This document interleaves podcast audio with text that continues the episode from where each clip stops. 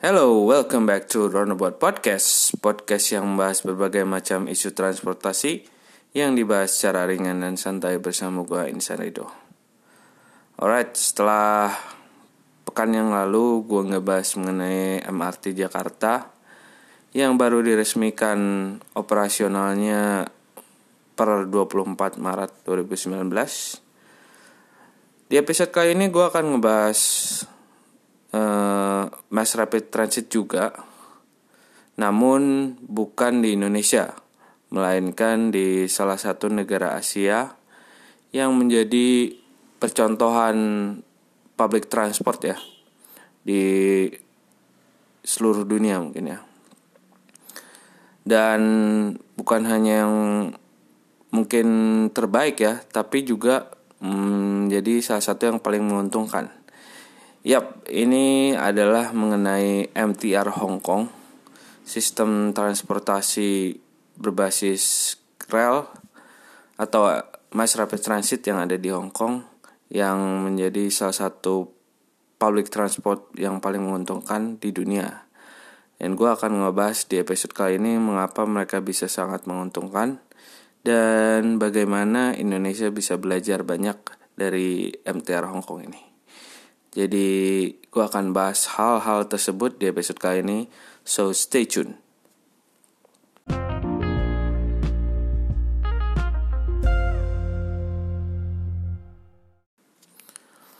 Oke, okay, jadi uh, eh, gue akan ngebahas mengenai MTR Hong Kong ya, yang yang menjadi salah satu percontohan sistem mass rapid transit yang paling baik mungkin di seluruh dunia. Dan bukan hanya dari sistemnya saja yang baik tapi dari segi keuntungan mereka pun salah satu yang terbaik ya. Kalau bukan yang terbaik mungkin. Jadi uh, eh, gue akan membahas mengapa mereka menjadi salah satu uh, moda transportasi paling menguntungkan di dunia gitu. Dan gue akan ngebahas mengenai sedikit sejarahnya dulu. Jadi dari tahun 1910 itu Eh, Hong Kong telah memiliki uh, jaringan rel ya yaitu KCR jadi ini masih basisnya masih antara kota dan kota.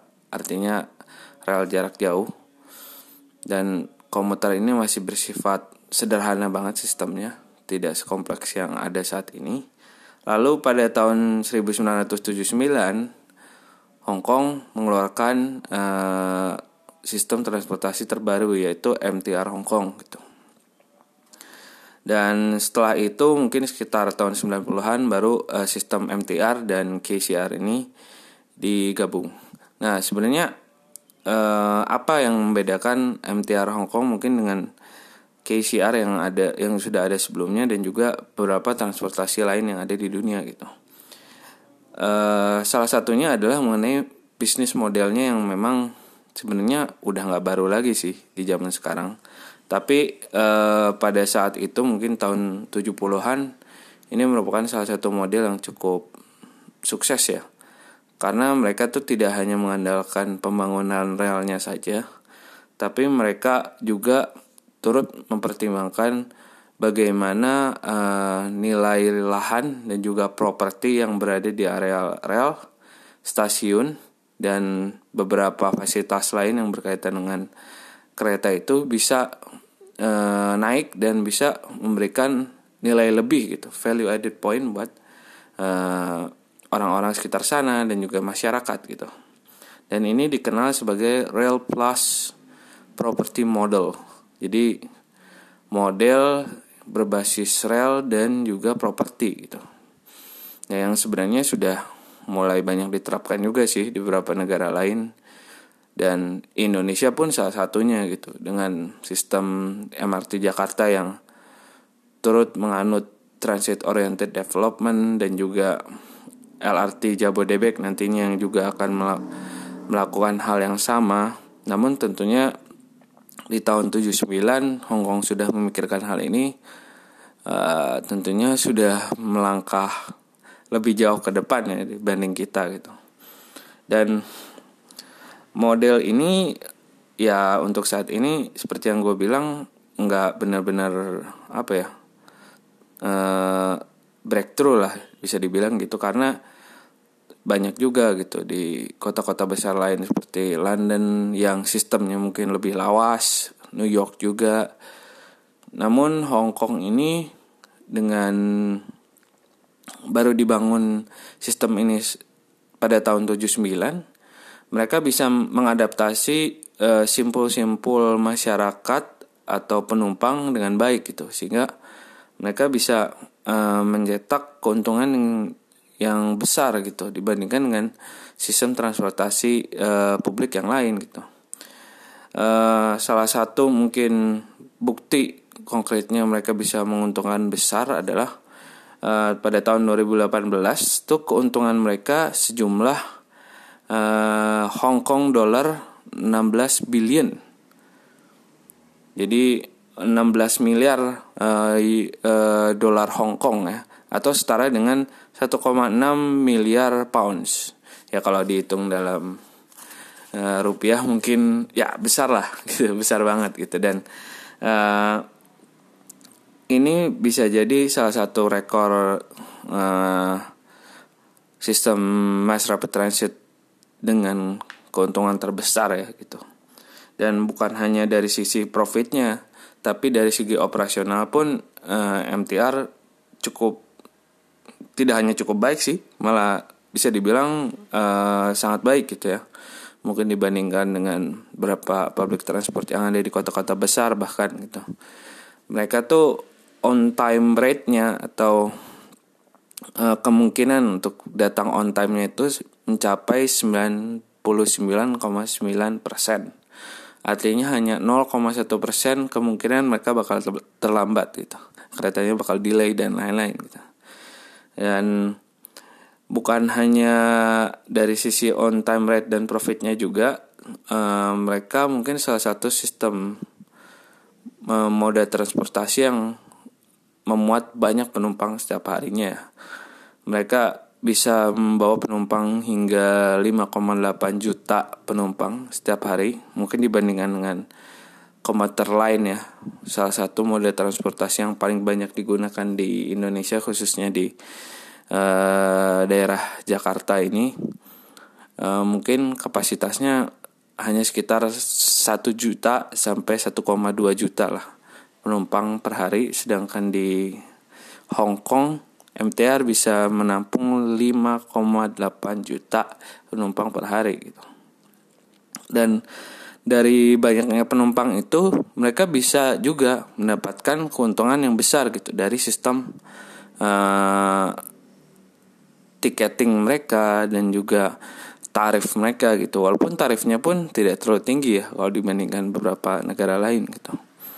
Dan uh, percaya atau tidak tarif mereka ini tidak disubsidi sama sekali. Artinya uh, penumpang membayar full dari semua uh, tarif yang memang uh, seharusnya dikenakan kepada penumpang gitu. Alhasil uh, tarif yang mereka tetapkan ini bisa mengcover 170% atau 1,7 kali dari biaya operasional mereka gitu. Jadi biaya operasional mereka tuh udah ke cover semua ditambah 70% keuntungan dari uh, biaya operasional ini gitu. Dan memang itu menjadi sebuah kunci penting ya. Artinya dari sisi operasional pun bisa cover dan ditambah lagi mungkin dari segi model bisnis mereka yang menggunakan real plus property model yang akan gue bahas sedikit mungkin di segmen selanjutnya yang membuat mereka tuh profitnya semakin besar gitu. Dan uh, eh, gue pengen ngebahas juga nanti di segmen selanjutnya bagaimana Indonesia bisa sedikit belajar dari MTR Hong Kong. Jadi gue akan bahas di segmen selanjutnya mengenai hal-hal tersebut. Jadi stay tune.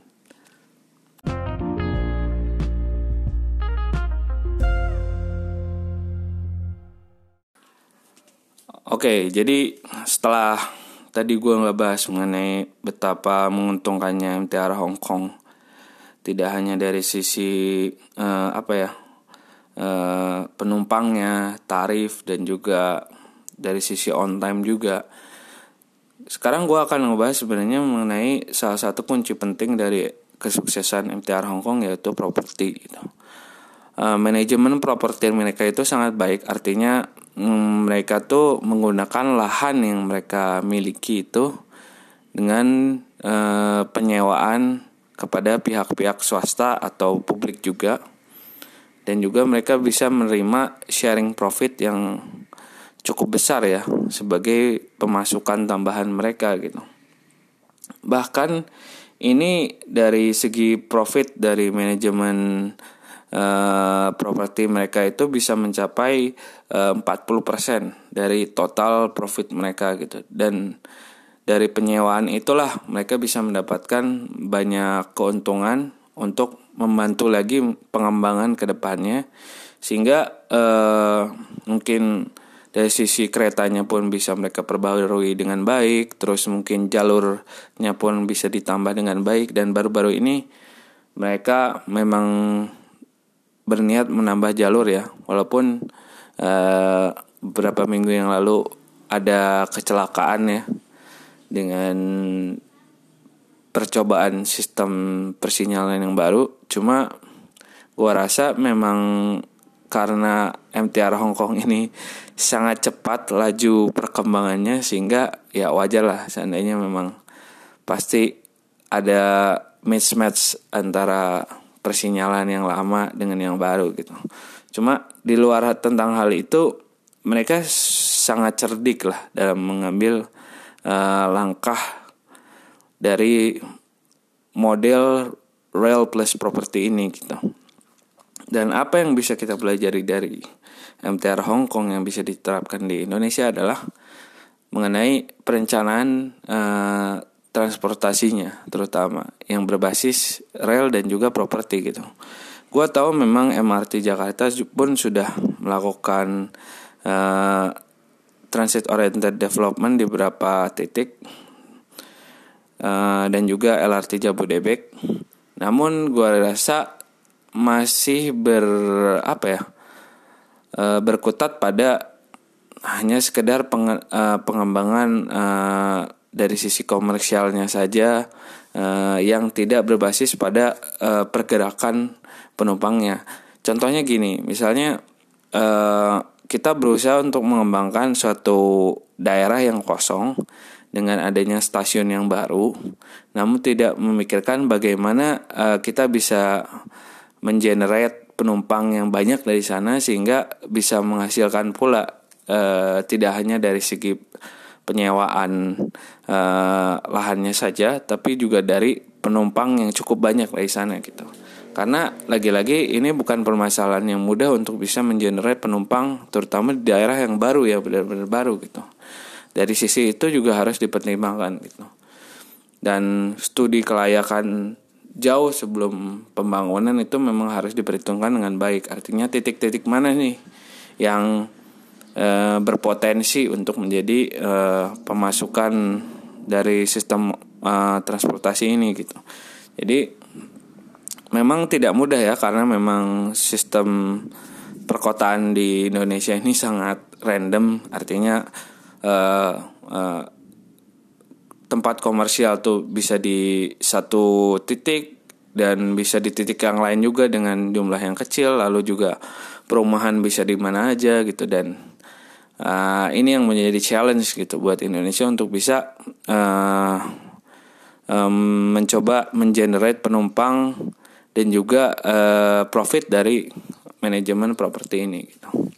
Jadi mungkin segitu dulu ya di episode kali ini. Setidaknya pelajaran dari MTR Hong Kong ini bisa memberikan hasanah baru harusnya buat eh, transportasi di Indonesia. Karena tentunya Indonesia dengan jumlah penduduk yang besar ini punya potensi untuk bisa eh, mengembangkan eh, transportasi publik yang baik.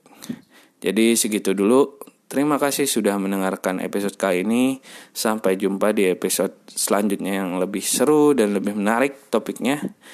Jadi, have a nice day and have a good time. See ya.